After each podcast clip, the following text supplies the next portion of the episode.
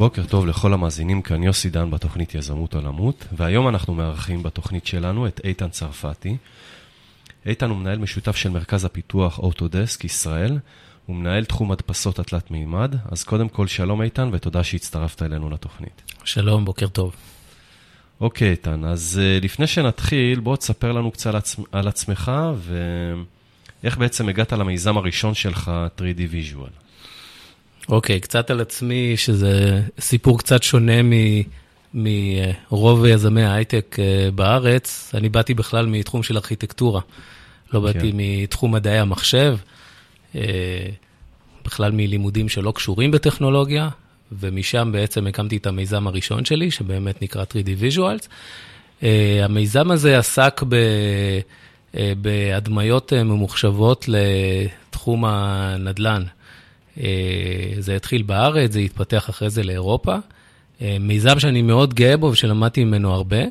אה, לא נגמר באקסיט גדול או באיזושהי הצלחה מסחררת, אבל אני חושב שזה חלק מהעניין, זה מאותם דברים שאתה עושה במהלך הקריירה שלך ואתה רק לומד מהם למיזם הבא. אוקיי, okay, ובעצם אז אתה לא למדת מדעי המחשב, והיה לך את הרעיון הזה. מה בעצם, לתת איזה שירות, אה, משהו, אפליקציה שבעצם נותנת שירותים אה, ויזואליים לעולם הנדל"ן או עולם ההדמיה? כן, זה אפשר להגיד שזה נולד מתוך העבודה. אה, מתוך העבודה כארכיטקט ראיתי צורך. שזה, אם חושבים על זה אחר כך גם למיזמי טכנולוגיה, בסוף זה, המיזמים הטובים נובעים מצורך, מזיהוי כן, צורך. כן. זיהיתי צורך בעולם הנדל"ן להדמיות הרבה יותר מורכבות ממה שהיה נהוג אז. היום כשאנשים מסתכלים על הדמיות uh, לעולם הנדל"ן, זה כבר הפך להיות קומודיטי, זה הפך להיות כבר משהו שמאוד מקובל. בזמנו, כשהתחלתי את הפרויקט הזה, זה היה משהו שהוא היה עוד בחיתוליו. אנשים פחות חשבו על זה, עוד לא ראו את זה כמשהו ש, שבכלל אפשרי לעשות. אה, והתחלתי עם זה, והיו מעט מאוד חברות בארץ שעשו את הדבר הזה. אוקיי, okay, ולקחת, אז אתה לא למדת מדע מחשב, אז אה, לקחת מתכנתים שיעשו את זה, חברת, השקעת בזה כסף מהכיס, איך זה עבד? כן, אפשר להגיד שזה היה סוג של, אה, תמיד אומרים bootstrap. כן. זה היה bootstrap, פשוטו כמשמעו, גם למדתי את, ה, את מה שהייתי צריך ללמוד ב... ב במדעי המחשב בעצמי, שזה בשפות תכנות בסיסיות, אז אפשר להגיד שאוטודידקטיות זה, זה, זה חלק באישיות שלי, אם כבר מספרים על עצמי. כן. אה, גם לימדתי את עצמי תוכנות בתלת מימד. דרך אגב, זה היום תוכנות של אוטודסק, ש, שפה אני עובד, שזה סגירת מעגל בשבילי. כן. כך שהייתי אומר, זה היה סוג של אוטודידקטיות בתוכנות תלת מימד, ב, ביזמות, בניהול, בלשכור אה, מתכנתים שיעזרו לי בתחומים שאני לא יכול ללמוד בעצמי, אה, ואפילו באנשי marketing שיעזרו לי בדברים שאני לא, שאני לא מתמצא בהם. אוקיי. Okay. טוב, אז אה, התגלד, התגלגלת ככה עם המיזם הזה, ובסופו של דבר ב-2008 הפסקתם את הפעילות של החברה. Uh, למה הפסקתם את הפעילות? זהו, עכשיו, כשאומרים למה הפסקתם, זה בלמה הפסקת. אוקיי. הקמתי את זה לבד וניהלתי את זה לבד, ואולי אחד הלקחים שיש לי מאותה, מהמיזם הראשון, זה תמיד תיקח שותף. אתה לא חייב כן. לקחת שני שותפים, או שלושה שותפים, או ארבעה שותפים, שזה כבר יותר מדי, שאני רואה הרבה יזמים עושים היום, אבל תמיד תיקח שותף, אל תעשה את זה לבד. אני עשיתי את הכל לבד בזמנו, והיום אני יודע שזה טעות. כלומר, אם אני עכשיו לוקח את עצמי למיזם הבא שאני ארצה להקים, אני, אני אלך עם שותף. אה, ואני חושב שזאת אחת הסיבות גם שסגרתי את המיזם. לא היה לי את ה... נקרא לזה את העזר כנגדי, או את השותף שיחזק אותי במקומות שאני חלש בהם. אה, ואני הייתי גם מאוד צעיר ברמת ה business, לא הבנתי איך סוגרים עסקאות, לא הבנתי איך סוגרים partnerships. אה, וכשאתה עושה את הכל לבד ואתה אמנם לוקח פרילנסרים ש, שיעזרו לך, אה, גם מאוד קשה לגייס, גם מאוד קשה לעשות, אה, לצאת החוצה מהארץ. הכל, הכל תלוי בך, וזה נפל באמת על תקציב. כמו שהרבה מיזמים היום מגיעים לסוף דרכם בגלל תקציב, גם זה הגיע לסוף דרכו בגלל תקציב. אבל אני יכול להגיד לך שהרעיון בבסיסו של המיזם היה מאוד טוב. כלומר, אם היום הייתי צריך לעשות את הדבר הזה שוב, עם הידע שיש לי, עם הניסיון שיש לי, אין לי ספק שהייתי מביא את זה כמובן ל, להצלחה כן. יותר גדולה. כן. אז לא, לא הפסדתי שם כסף גדול, אה, הרווחתי דווקא, אבל זה לא הצלחה מהסוג שהייתי רוצה לראות מהמיזם הזה. אוקיי, אז אה, אחד הדברים שהזכרת עכשיו זה בעצם אה, לקחת מישהו שיהיה שותף במיזם הזה. יש עוד משהו שאתה יכול להצביע עליו, שאולי אם היית עושה שונה, אז אה, הייתה הצלחה יותר גדולה ממה שהייתה? כן, אז, אז קודם כל, אם אני חוזר לנושא של שותף, חשוב מאוד לכל מי שמאזין לנו, קחו שותף שמשלים את הכישורים שלכם. כן. אם אתה מפתח uh, C++ מעולה, אל תיקח עוד מפתח C++. כן. אם אתה אה, מתמצא באלגוריתמים של Computer Vision, אל תיקח בדיוק אחד כמוך. קח מישהו שישלים אותך. כדאי שיהיה מישהו שיהיה נוטה יותר לכיוון ה business או ל marketing, ואחד שנוטה יותר לכיוון הטכנולוגיה. אהם. גם מבחינת המשקיעים זה יותר נוח, כי אז הם רואים אתכם כ... זה, זה כאילו הגרעין של החברה העתידית, זה נראה יותר בוגר, זה, זה מרגיש יותר טוב. גם אם אתם חושבים שאתם יודעים ממש טוב בכל התחומים, אתם לא. אה, אז, אה, אז זה לגבי השותפות, היה חשוב לי לפרט קצת על השותף, כי... כי אז זה בעצם, זה, זה לא סתם שותף, זה שותף ספציפי שמשלים את הכישורים שלך. אה, דבר נוסף, גיוסים. אה, מ-day one, אה, ללכת לגיוס, וב-day 2 ללכת לגיוס הבא. Okay. אוקיי. אפשר להגיד שאנשים מסתכלים על גיוסים כעל סיבובי גיוס. זו תפיסה מוטעית ו- ושגויה בעיניי.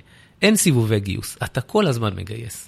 כשאתה כן. בסטארט-אפ, כשאתה מתחיל איזשהו מיזם, אתה כל הזמן צריך כסף, וגם אם גייסת עכשיו 2 מיליון דולר, בדרך כלל אתה עושה בסיד כמה מאות אלפי דולרים, אחרי זה אתה הולך למיליון דולר פלוס, גם אם גייסת 5 מיליון דולר, רוץ תגייס את, ה, את העשרה הבאים או את ה-20 הבאים. כלומר, אתה חייב את זה בשביל הגדילה של החברה שלך. אה, כי אנשים חושב, חושבים ב, ב, במושגים של אדם פרטי, וזה לא נכון. ברגע שגייסת אה, אה, מיליון דולר או שני מיליון דולר, הם נשרפים אה, במהירות האור. אה, כן. כי, כי, כי זו חברה, וחברה עולה כסף, אה, וחברה עולה טיסות לחו"ל, וחברה עולה מתכנתים, ו, ו, רוב הכסף הולך על, ה, על השכר של האנשים. תמיד יש מה לעשות עם הכסף. תמיד יש מה לעשות, הכסף ייגמר מהר מאוד. כן. ודווקא לנצל הייפ של גיוס בשביל הגיוס הבא. זה משהו שלמדתי מה... מהחברה הראשונה, שלא רצתי לגייס. לא רצתי לגייס מהר, עשיתי את הכל מאוד... מה, מהכסף שלי, שמרתי על זה שה business יתקדם, שאני אהיה break even אה, מהר, אבל זו לא הדרך. אוקיי, okay, מעניין. טוב, אז uh, הנה, פחות מעשר דקות ראשונות וגם כבר למדנו כל כך הרבה מהשיחה איתך. שמח. אז uh, ב-2008 הקמת את סימאי קאסה, שפיתחה פלטפורמה לאתרים ולאפליקציות תלת מימד. עבור חברות בתעשייה של עיצוב הבית. איך uh, צמח הרעיון? אז, אז כמו שאתה מבין, זה כחוט השני, כן. בכלל בחיים שלי, uh, הטכנולוגיה, האדריכלות, העיצוב הולכים ביחד. כלומר, החיבור כן. הזה בין טכנולוגיה, עיצוב ואדריכלות די, די הולכים ביחד. Uh, אז גם כאן הייתה לי אפשרות להקים לבד את זה. כי זה, עוד פעם, זה תחום שאני... Uh, מתמצא בו, זה תחום שאני מכיר טוב מאוד, אני מכיר את העולם הזה של מעצבים, של עיצוב הבית, גם הכרתי מאוד את הטכנולוגיה מהמיזם הקודם. כבר היה לי את הבסיס להקים את זה, אבל כאן כבר יישמתי את הכלל הראשון שדיברתי עליו. פה לקחתי שותף שהשלים אותי. אה, אה, שותף אה, שמו תומר גלאון, עד היום הוא עובד איתי פה באוטודסק, אנחנו חברים טובים, וזה דרך אגב גם משהו לדבר עליו, על היחסים בין יזמים, כמה כן, זה חשוב. חשוב מאוד. חשוב לטפח את זה כמו נישואין, זה לא משהו ש... כן. שצריך להקל בו ראש. אה, אז תומר היה שותף שלי בסימאי קאסה, והוא באמת השלים אותי, כי הוא בא עם רקע בפיתוח, ב... אה, עם, עם, עם ניסיון במייקרוסופט, בחברות גדולות, הביא את כל הנושא של פיתוח, מה שנקרא פיתוח הארדקור. וזה מאוד עזר לי, כי אני באתי יותר כיזם שיותר נוטה לביזנס ולעיצוב ול, אה, ולהבנת הלקוח, והייתי צריך את, ה, את, את השותף הזה, וזה, וכמו שאני אומר, זה שותף, זה 50-50. זה להגיד מ-day one, אתה מוותר על 50 אחוז מה, מהמיזם שלך בשביל מישהו שילך איתך יד ביד. למרות שהרעיון שלך, למרות שזה בא מהתחום שאתה יותר מכיר, למרות שאתה זה שחיפשת את, ה, כן. את, ה, את, את השותף, אבל ברגע שאתם מחליטים, זהו, אתם שותפים.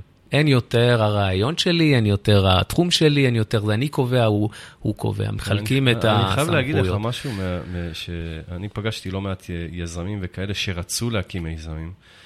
ואני רואה לא מעט אה, יזמים שפשוט מפחדים על כל אחוז שהם נותנים, והמיזם שלהם תקוע כבר שנים. והם, אה. נניח אם זה מישהו שהוא יותר בצד הטכנולוגי, או מישהו יותר בצד, בדרך כלל זה מישהו שבצד היותר טכנולוגי, כי הוא רואה את העבודה התכלס, כאילו, כן. שהוא uh, מקודד ומנתח כן. את הידיים, מה שנקרא. ו, וזה פשוט תקוע, הם לא מוכנים, מה שנקרא אצלנו בשפה, בעגה העברית, בונקרים, הם לא מוכנים לוותר על כלום, וזה פשוט תקוע, ואני חושב באמת שברגע שנופל האסימון ומגיעים להבנה הזאת, שיש מישהו שיכול להביא ערך מאוד מאוד גדול לחברה, ואין מה לעשות, צריך uh, uh, לוותר על אחוזים מהחברה, זה משהו שמקדם את המיזם בעצם. בהחלט כן. תראה, יש גבול לזה. אי אפשר כן. להגיד, אה, חבר'ה, בואו תחלקו עכשיו את החברה כן, שלכם כן, לעשרה כן, אנשים. כן. ו... לא, אבל עם בן אדם אחד בעצם, כמו שאמרת, CTO, אז זה משהו שהוא make sense. בהחלט. CTO ו-CEO זה באמת איזושהי תבנית שמשקיעים מחפשים, זה גם מאוד יכול לעזור לכם כשאתם רצים עם החברה. אה, וכן, תוותרו מ-day one על להיות 100% בחברה, תהיו 50-50. זה נכון שכשאתם חושבים על שותף שלישי, תחשבו טוב טוב את מי אתם מכניסים. פה צריך להיות כן. באמת איזשהו added value, שאתם אומרים, וואו, הבן אדם מביא לנו משהו שבאמת אין לנו בתור, בתור צמד שותפים. כלומר, צמד שותפים, אני חושב שזה כן מפתח. לא הייתי הולך ו- ו- ומצרף שותף שלישי כל כך מהר, בטח ולא שותף רביעי וחמישי. כי באמת, בסופו של דבר, כשיש כל כך הרבה שותפים, כשלוקחים אחרי זה, לא, אנשים לא חושבים שנתיים או שלוש או ארבע קדימה, אבל באמת, כשאתה חושב כמה שנים קדימה, אז אתה אתה כבר נכנס לאיזשהו סוג של חישוב, כמות האחוזים שלך, כי גם אחרי זה המשקיע נכנס, ואם כן, עוד משקיע נכנס כן. ואתה מדולל, כן. פתאום אתה מגלה שאתה 25 אחוז, לא מה-100 כן. אחוז, אלא 25 אחוז מה-30 אחוז שהשאירו לכם המשקיעים. כן. ואז זה כבר לא כל כך טוב ל- ליזם, ואז כן. הוא כבר מאבד מוטיבציה. Mm-hmm. כן, אבל שני שותפים, רוצו חזק עם, עם ה... עם הרעיון שלכם, שותף שלישי בהחלט תראו שהוא נותן added value, לא למהר לשם כל כך מהר, אה, וכן, רוצו למשקיעים, אה, וזה גם, דרך אגב, עוד לקח שאני יכול לשתף, לא כל משקיע הוא משקיע טוב. אני יודע שיזם בלי כסף יגיד לי, תשמע, אני עכשיו רוצה משקיע, סוף סוף מישהו נותן לי כסף, מה, אני לא אקח? כן. זה לא עובד ככה. יש כסף חכם ויש כסף טיפש. כסף טיפש לא נותן לך לרוץ כמו שאתה צריך לרוץ. הוא לא מכיר את השוק שלך, הוא לא מרגיש את העולם שלך, הוא לא, מרג, הוא לא מרגיש את ה... הוא לא מכיר את העולם ש, שאתה פועל בו, והוא יכול להכשיל אותך, הוא יכול להכשיל את המיזם שלך. הוא גם לא ייתן לך את ה-added value של משקיע חכם, כי משקיע חכם יקשר אותך לאנשים הנכונים, יעשה לך את ה partnership שאתה צריך. משקיע חכם זה, זה כמעט... אה, אה, זה, זה כמו לשכור חברה ממש טובה, שתעשה לך גם business development, גם תדאג לך להשקעות בהמשך. זה סופר סופר חשוב. אנשים מקלים ראש בזה, הם לא יודעים כמה זה חשוב. אז בעצם אה, עם החברה סימאי קאסה, הייתה השקה מסודרת, או שהתגלגלתם עם לקוחות שהגיעו? מי היה הלקוח הראשון? אה, היו לנו לקוחות בסימאי קאסה.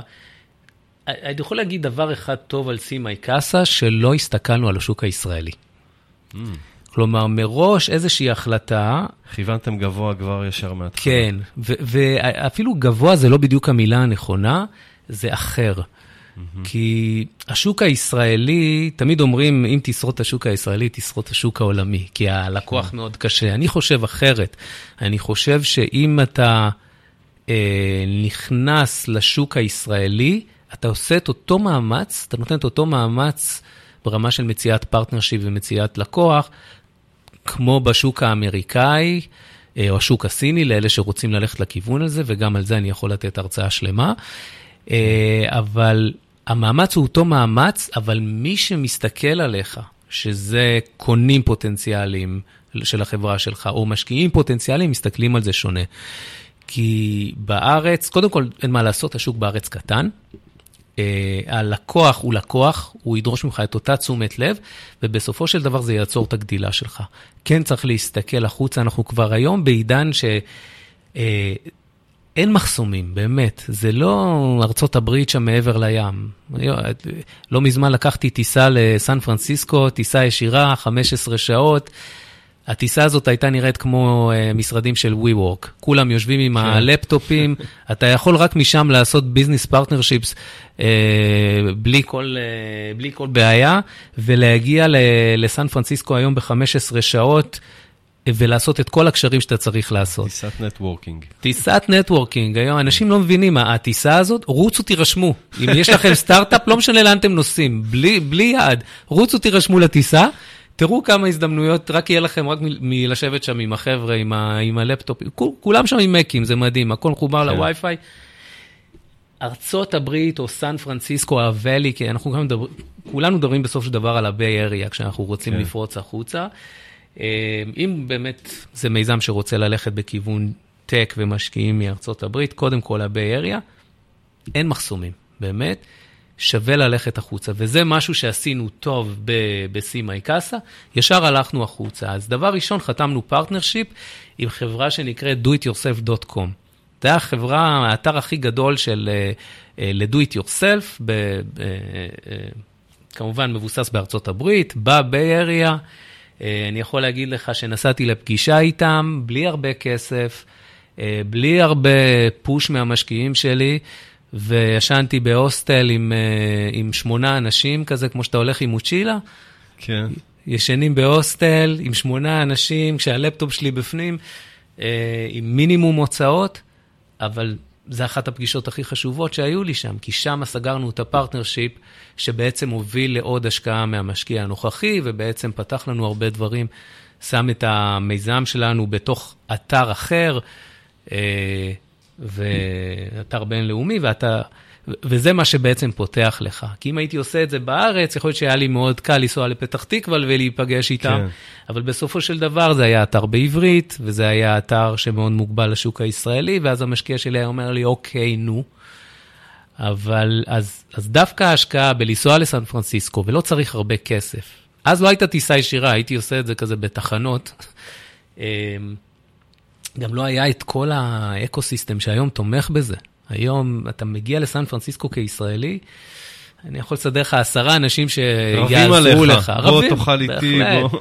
בהחלט, כן. אם זה מיזם כמו UpWest, שישימו אותך אצלם, כן. של אה, גיל בן ארצי, אם זה אה, חממות שמכירות אה, ישראלים, אם זה יזמים ישראלים שיושבים שם היום, רק כדי לשבת שם ולהיות בתוך העניינים. אם זה חברות אמריקאיות שכבר מסתכלות אחרת על ישראל, היום זה הרבה יותר פתוח. אז כן, אז אני יכול להגיד לך, לקח אחד, לכו החוצה, אל תלכו אה, בישראל.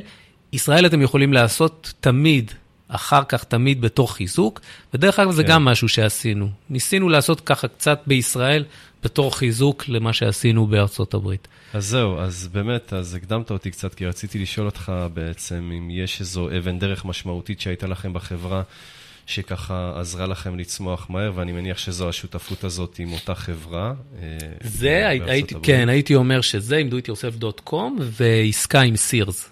Sears זה הענק המטורף, כן. אה, יושבים ליד שיק, שיקגו ב Hoffman Estates. אני יכול להגיד לך על, וגם פה, איך, איך אתה עושה את זה, איך אתה מגיע ל Sears כן, בתור כן. יזם. וזה הרבה, אני בטוח שיזמים שמאזינים לנו אומרים, כן. איך, אבל איך נגיע? כן. אנחנו צריכים business development? לא, אתם לא צריכים. יש היום LinkedIn, כלי אדיר.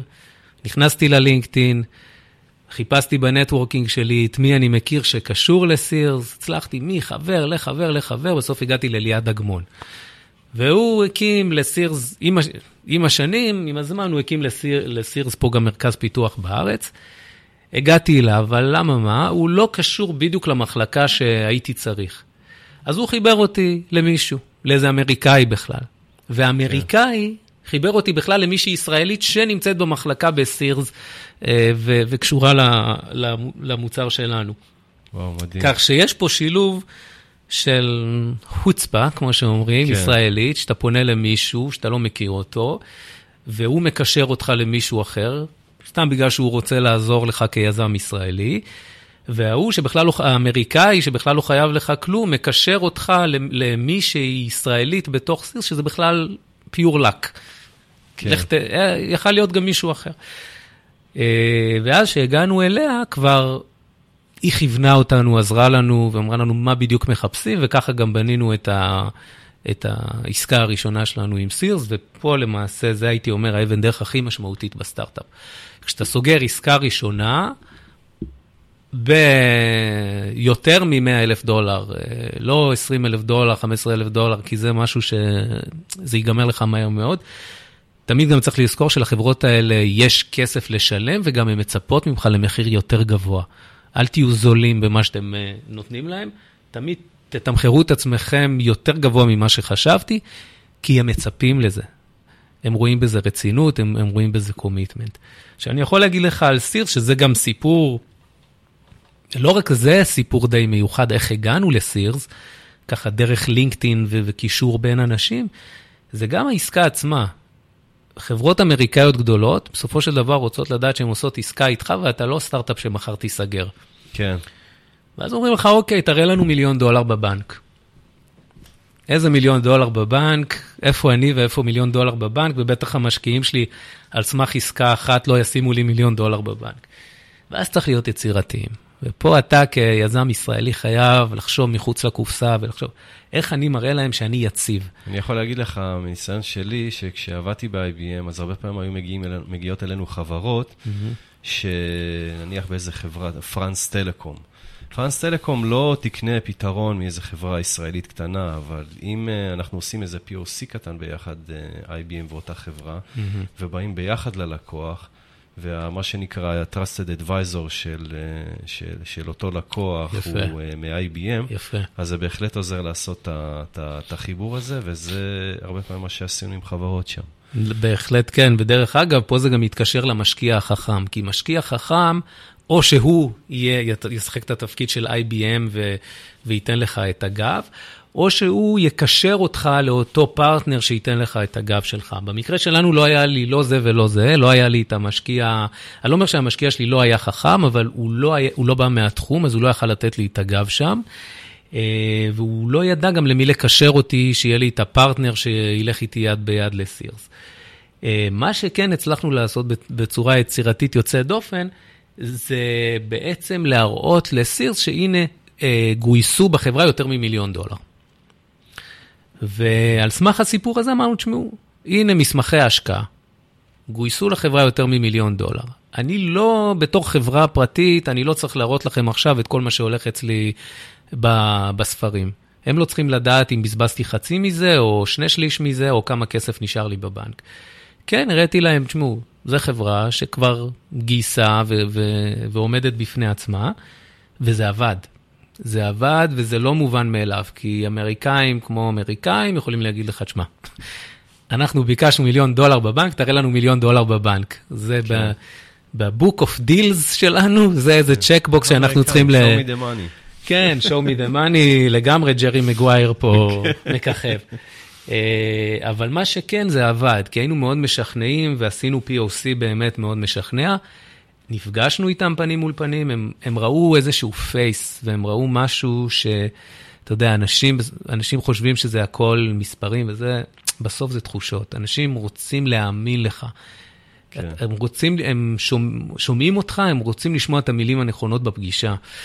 ונתנו להם את התחושה של הביטחון, שאנחנו חזקים מאוד בטכנולוגיה ונוכל לדלבר להם את מה שהם רוצים לדלבר, וגם שאנחנו לא נואשים. כלומר, אם לא נעשה דיל איתכם, זה לא אומר שאין לנו לקוחות. להפך, באנו במ- באיזושהי, באיזשהו say, שהוא קצת בלוף, אין מה לעשות, כשאתה סטארט-אפיסט אתה מבלף קצת, של חבר'ה, אנחנו עומדים בפני כמה עסקאות גדולות, ואנחנו, אנחנו, בוחרים את הפרטנר הבא שלנו לעסקה. ואז אתה זורק, בגלל שאתה קצת מבין business, אתה לפני הפגישה אתה עושה שיעורי בית, מי המתחרים הכי חזקים של סירס, אתה מסתכל קצת על כן. הדוחות הכספיים שלהם, פה גם חשוב business education, דרך אגב, שיזמים שלא יזלזלו בזה, business education זה מאוד חשוב. אתה נכנס לדוחות הכספיים, אתה מבין מי ה competitor של סירס, ואז אתה אומר, אוקיי, אני בפגישה אשלוף את השמות האלה והאלה, ואני אגיד להם, תשמעו, אנחנו כן רואים partnerships עם Bed Bath and Beyond, אנחנו כן רואים partnership עם אה, איקאה, עם איקאה הם באמת מתחרים. ואז אתה, ואז אתה מייצר אצלם את הניד הזה, שאומר, אוקיי, אוקיי, אנחנו מבינים שהיזמים האלה רציניים, יש להם השקעות, יש להם משקיע גדול מאחוריהם. אה, אז נכון, הם לא הראו לנו עכשיו את המיליון דולר בבנק, אבל אם אנחנו לא נמהר, הם ילכו עם המתחרים שלנו. אז כן, הדבר הזה בעצם מוביל אותך לעסקה ראשונה, שזה הדבר הכי חשוב בעולם של סטארט-אפ.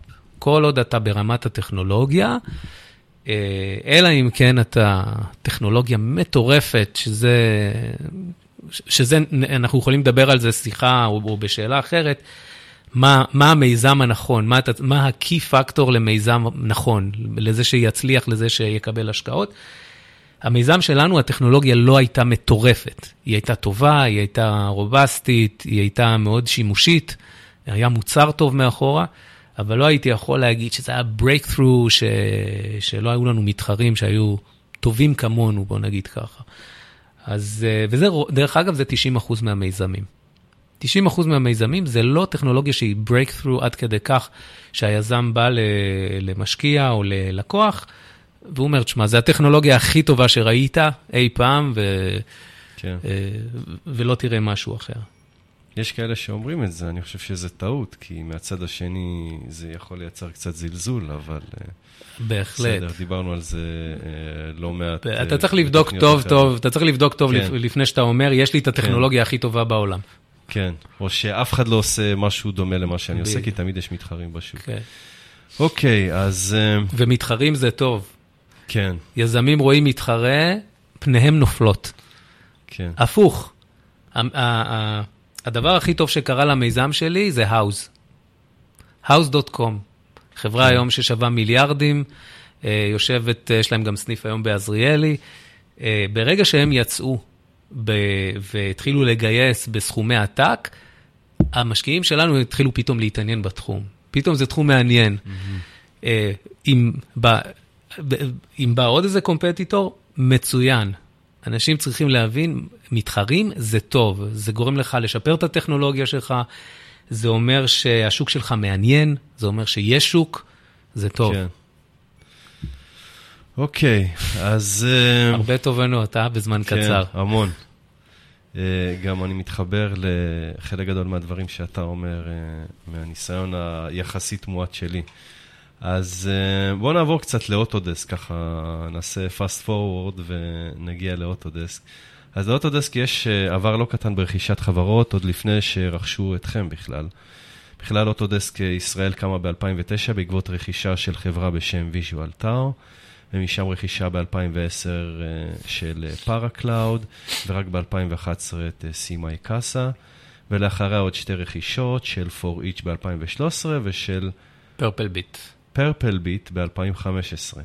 אז uh, מאיפה בעצם התחילו המגעים עם uh, אוטודסק? אתם התחלתם איתם או שהם התחילו איתכם? זה, זה, זה מצחיק, אתה מנית את שמות החברות, ותראה איך שגלגל מסתובב, ויזמים לא חושבים על זה לאורך הזמן, אבל אני הייתי בתפקיד הרוכש. כלומר, פרפל ביט, באמת? זה רכישה וואו. שלי. עם כל ה due diligence, ועם לחבור ביחד עם אותו, אותם עורכי דין ואנשי corporate, uh, uh, שבחנו אותי, אני הייתי על הספסל איתם עכשיו. עם אותו עורכת דין שעשתה לי את הבדיקה של המסמכים, וואו, ממש סגירת מעגל. כן, ממש. אני יושב איתה ביחד על המסמכים לפרפל ביט. ואני יכול גם להדריך את פרפל ביט, בואו, תעשו את הדברים כמו שצריך, כדי שיהיה כן, לכם עסקה כן. כמו שצריך. אז אפשר להגיד ש, שזה כן. שאלת לגבי ה- מי פנה למי. אה, איך זה התגלגל בעצם? כן, זה, אני אפילו לא זוכר מי פנה למי. אני רק, אני, מה שאני זוכר זה שבשבוע שלפני חשבנו לסגור את החברה. וואו. כן. שבוע שלפני המגעים הראשונים עם אוטודסק, אני ושותפי היקר אמרנו, מה נעשה? אנחנו לא מצליחים לגייס. סירס חידשו, אבל חידשו ב- לא בסכום שרצינו שיחדשו. לא מצאנו לקוחות חדשים. אנחנו מדברים על שנים, דרך אגב, הגיוס הראשון שלנו היה 2008, משבר, כך שהיה משבר עולמי, עד, ש, עד שתפסנו את עצמנו וגייסנו עוד, זה גם לקח זמן, זה גם פגע בנו. כן. אה, אנשים לא מבינים כמה, כמה מה שקורה בסין, בבורסה בסין משפיע על הגיוס שלהם עכשיו, אבל זה משפיע, הכל משפיע. אה, ובאמת חשבנו לסגור את החברה. ו... pure luck, pure luck, ואולי איזושהי קצת אמונה שלנו בתור יזמים עיוורים כזה על, ה, על הרעיון שלנו, שאהבנו את הרעיון שלנו. אה, חבר שהכיר חבר אמר לנו, תשמעו, בואו תיפגשו עם החבר'ה של ויז'ואל טאו, שנרכשו על ידי אוטודסק, שזה מיזם אדיר דרך אגב, כי בעצם הם לקחו את אוטוקאד, שזה פרויקט הדגל של אוטודסק, ובנו אותו מחדש על ה web. Cloud Based, כן. כל מה שהחברה היום עושה, הם כבר בעצם, או ויז'ואל טאו עשו אז ב-2000 ו... אה, נראה לי תשע, משהו כזה. כן, שמאז הרבה חברות לקחו את הכיוון הזה, שלא בהחלט. לעשות את זה client installation, אלא אה, בהחלט, על ה cloud. חברות היום צריכות לחשוב על ה cloud בתור המקום ש...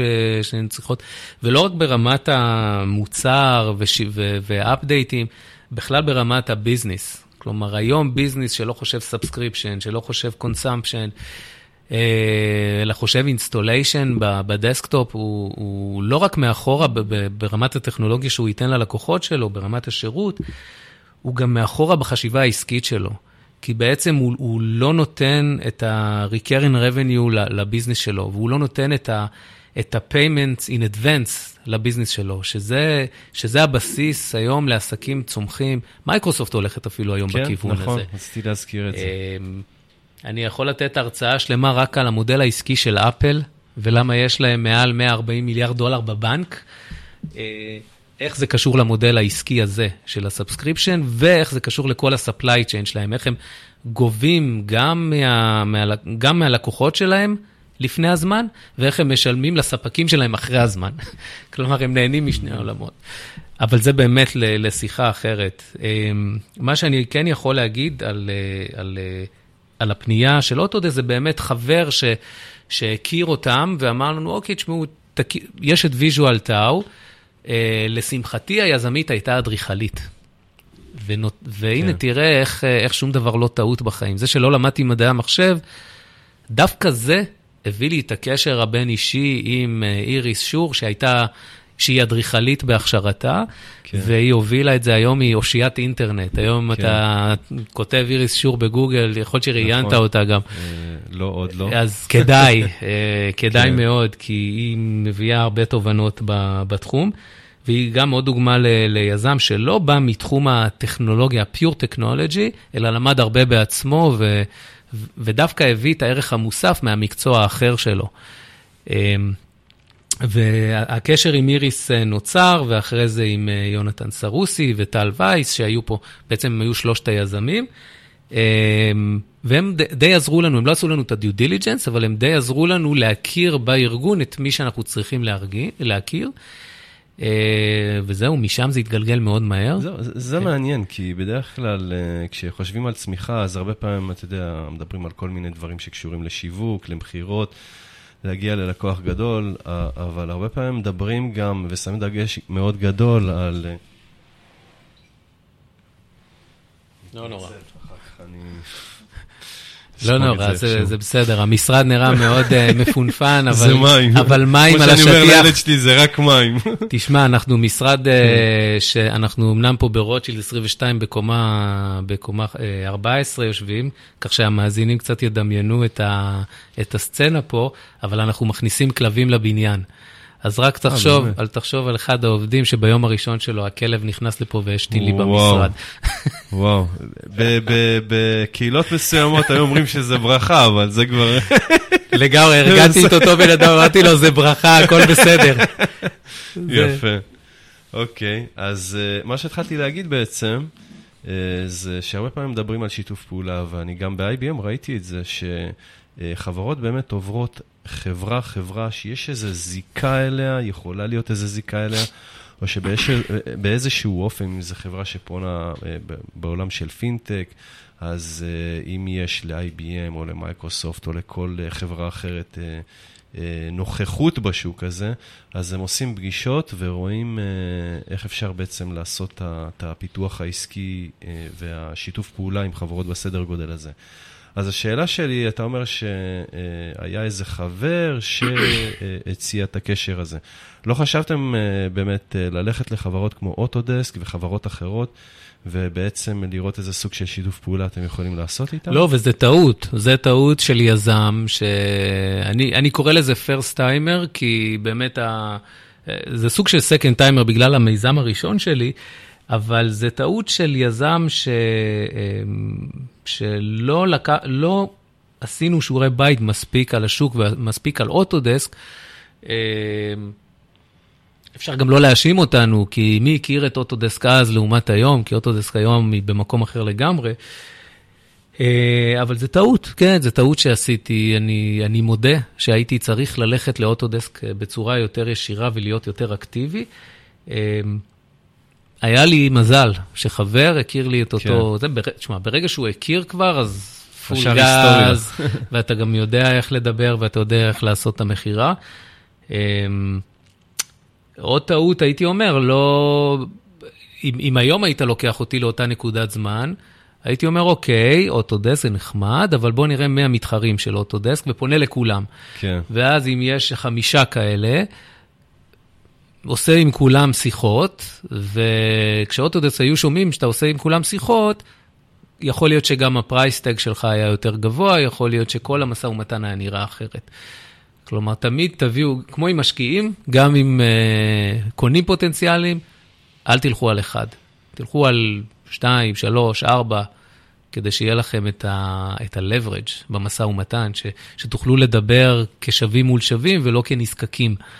אה, וזה עוד לקח.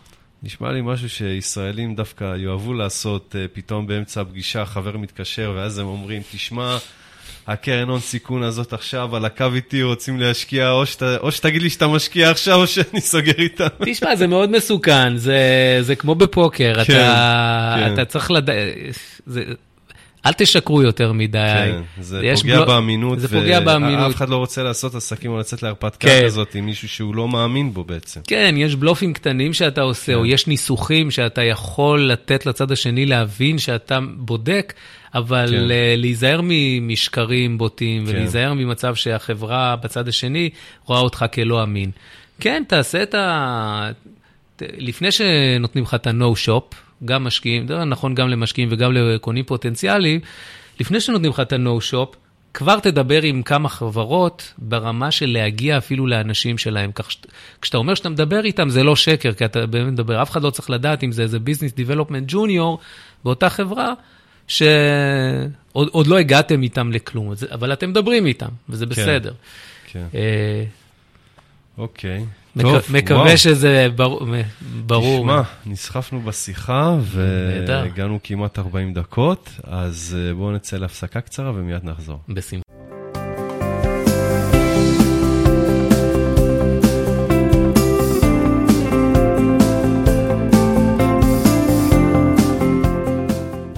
אוקיי, איתן, אה, בואו נדבר קצת על אוטודסק. ב-2011 סימאי קאסה נקנתה על ידי אוטודסק. אה, נכנסת לתפקיד של מנהל משותף של מרכז הפיתוח של אוטודסק ישראל ומנהל תחום הדפסת התלת מימד. בוא תספר לנו קצת על מי שלא יודע על הפעילות של החברה. בהחלט. אוטודסק זה אחת החברות ה... אה, under the radar, מה שנקרא, מבחינת הנראות שלהם. אה, גם בהייטק הישראלי וגם בהייטק העולמי.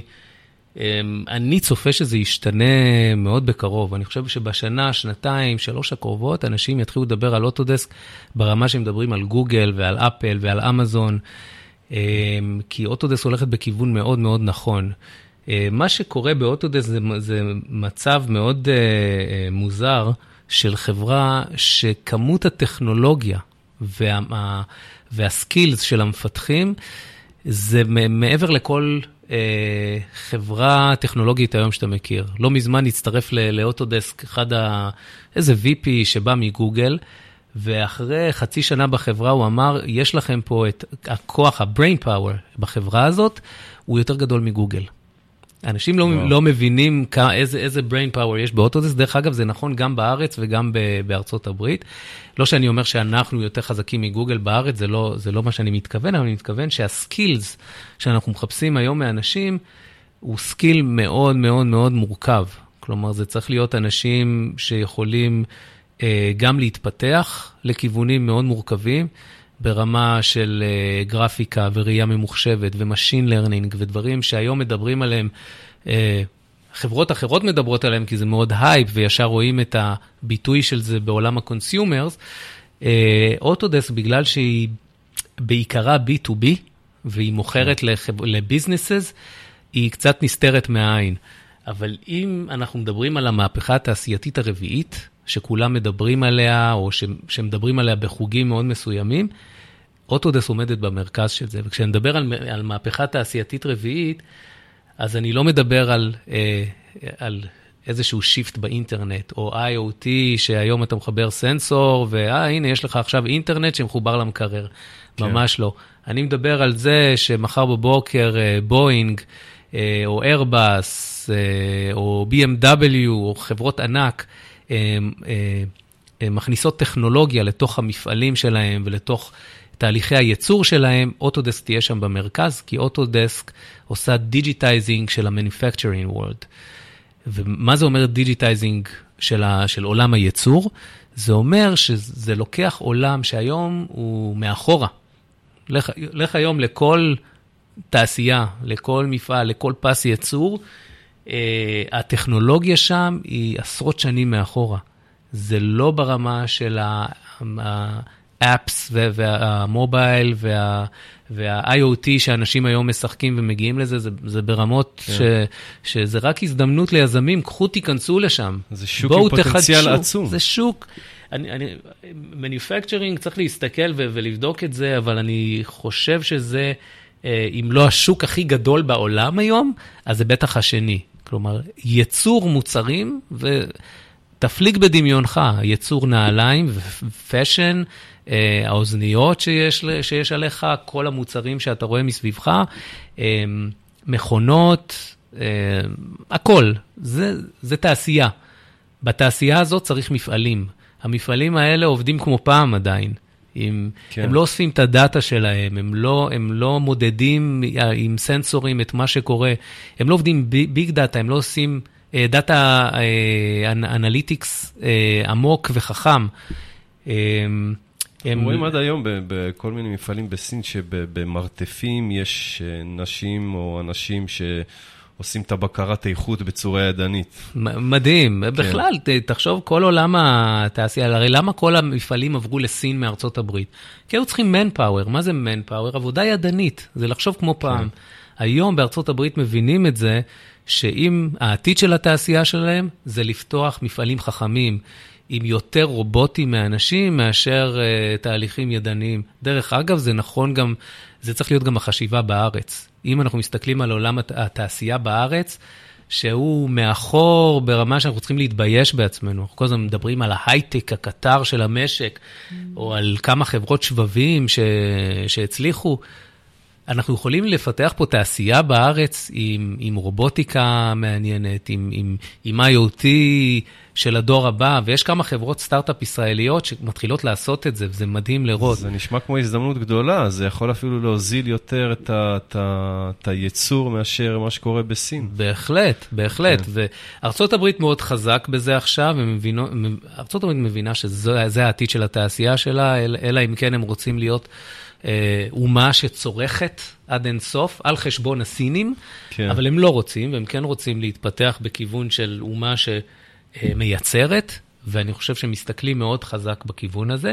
גם ישראל חייבת להסתכל, אנחנו חייבים לפתח יכולות ייצור בארץ, אבל ייצור חכם, לא אותו... ואתה יודע, זה מגיע עד החינוך. אי אפשר היום בחינוך הישראלי להסתכל על הדור הבא שלנו ולהגיד, אוקיי, לכו כולכם להייטק.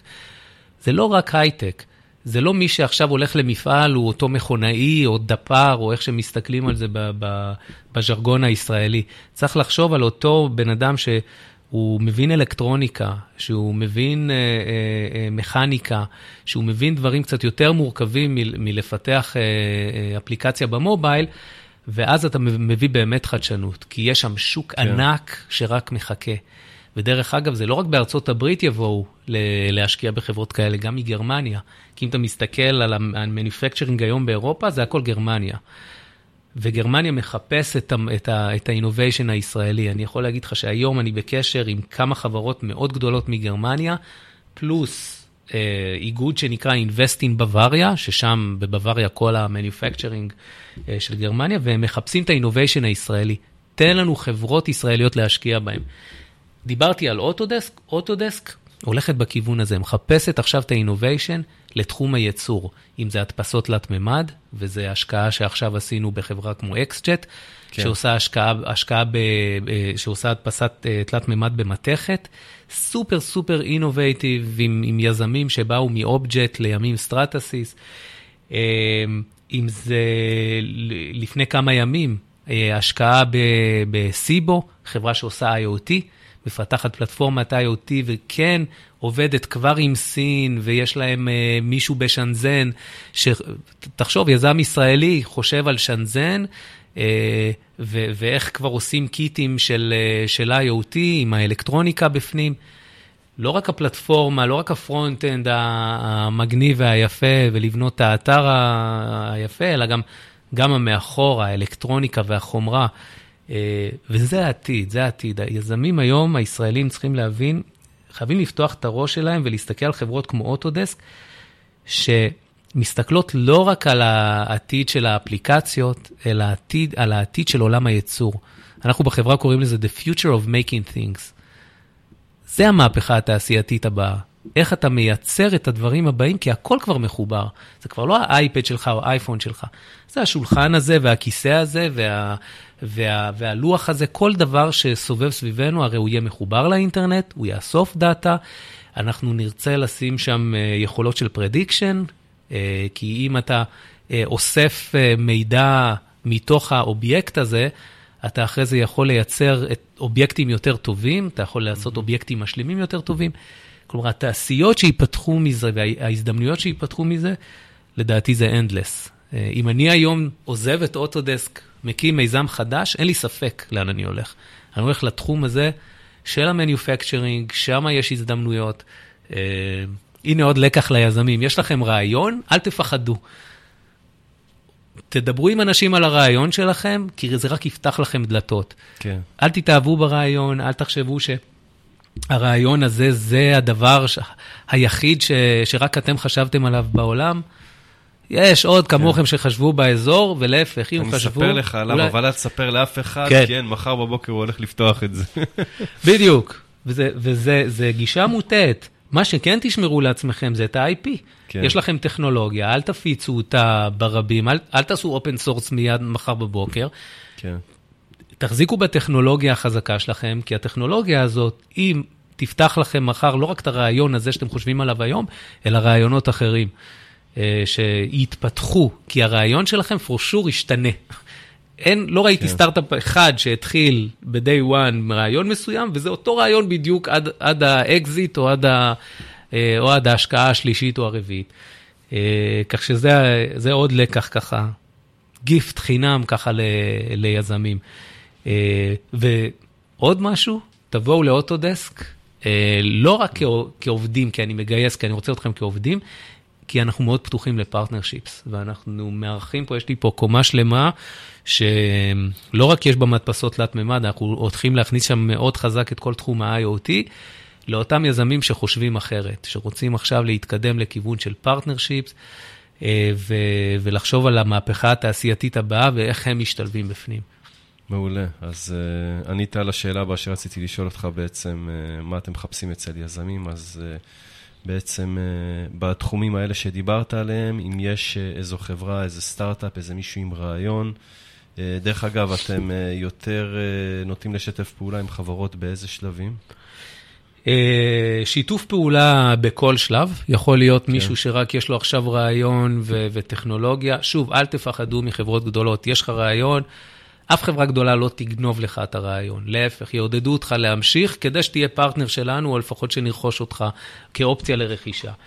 אה, אז זה ברמת ה-partnerships, you name it, חברות גדולות כקטנות. ברמת האקוויזישן, אה, כן, אנחנו כבר לא עושים acquisition כל כך של, אתה יודע, pre-seed של יזמים שרק התחילו, כן. אנחנו כן מחפשים מישהו קצת יותר mature, ש...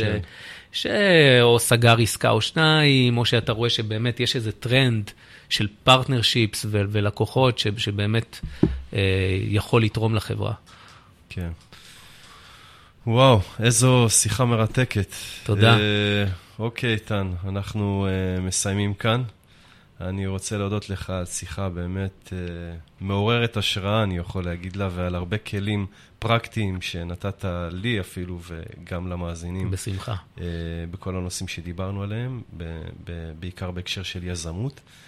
אה, זהו, אז זה הכל חברים. תודה רבה לאורח שלנו, איתן צרפתי, ולכם שהאזנתם לנו.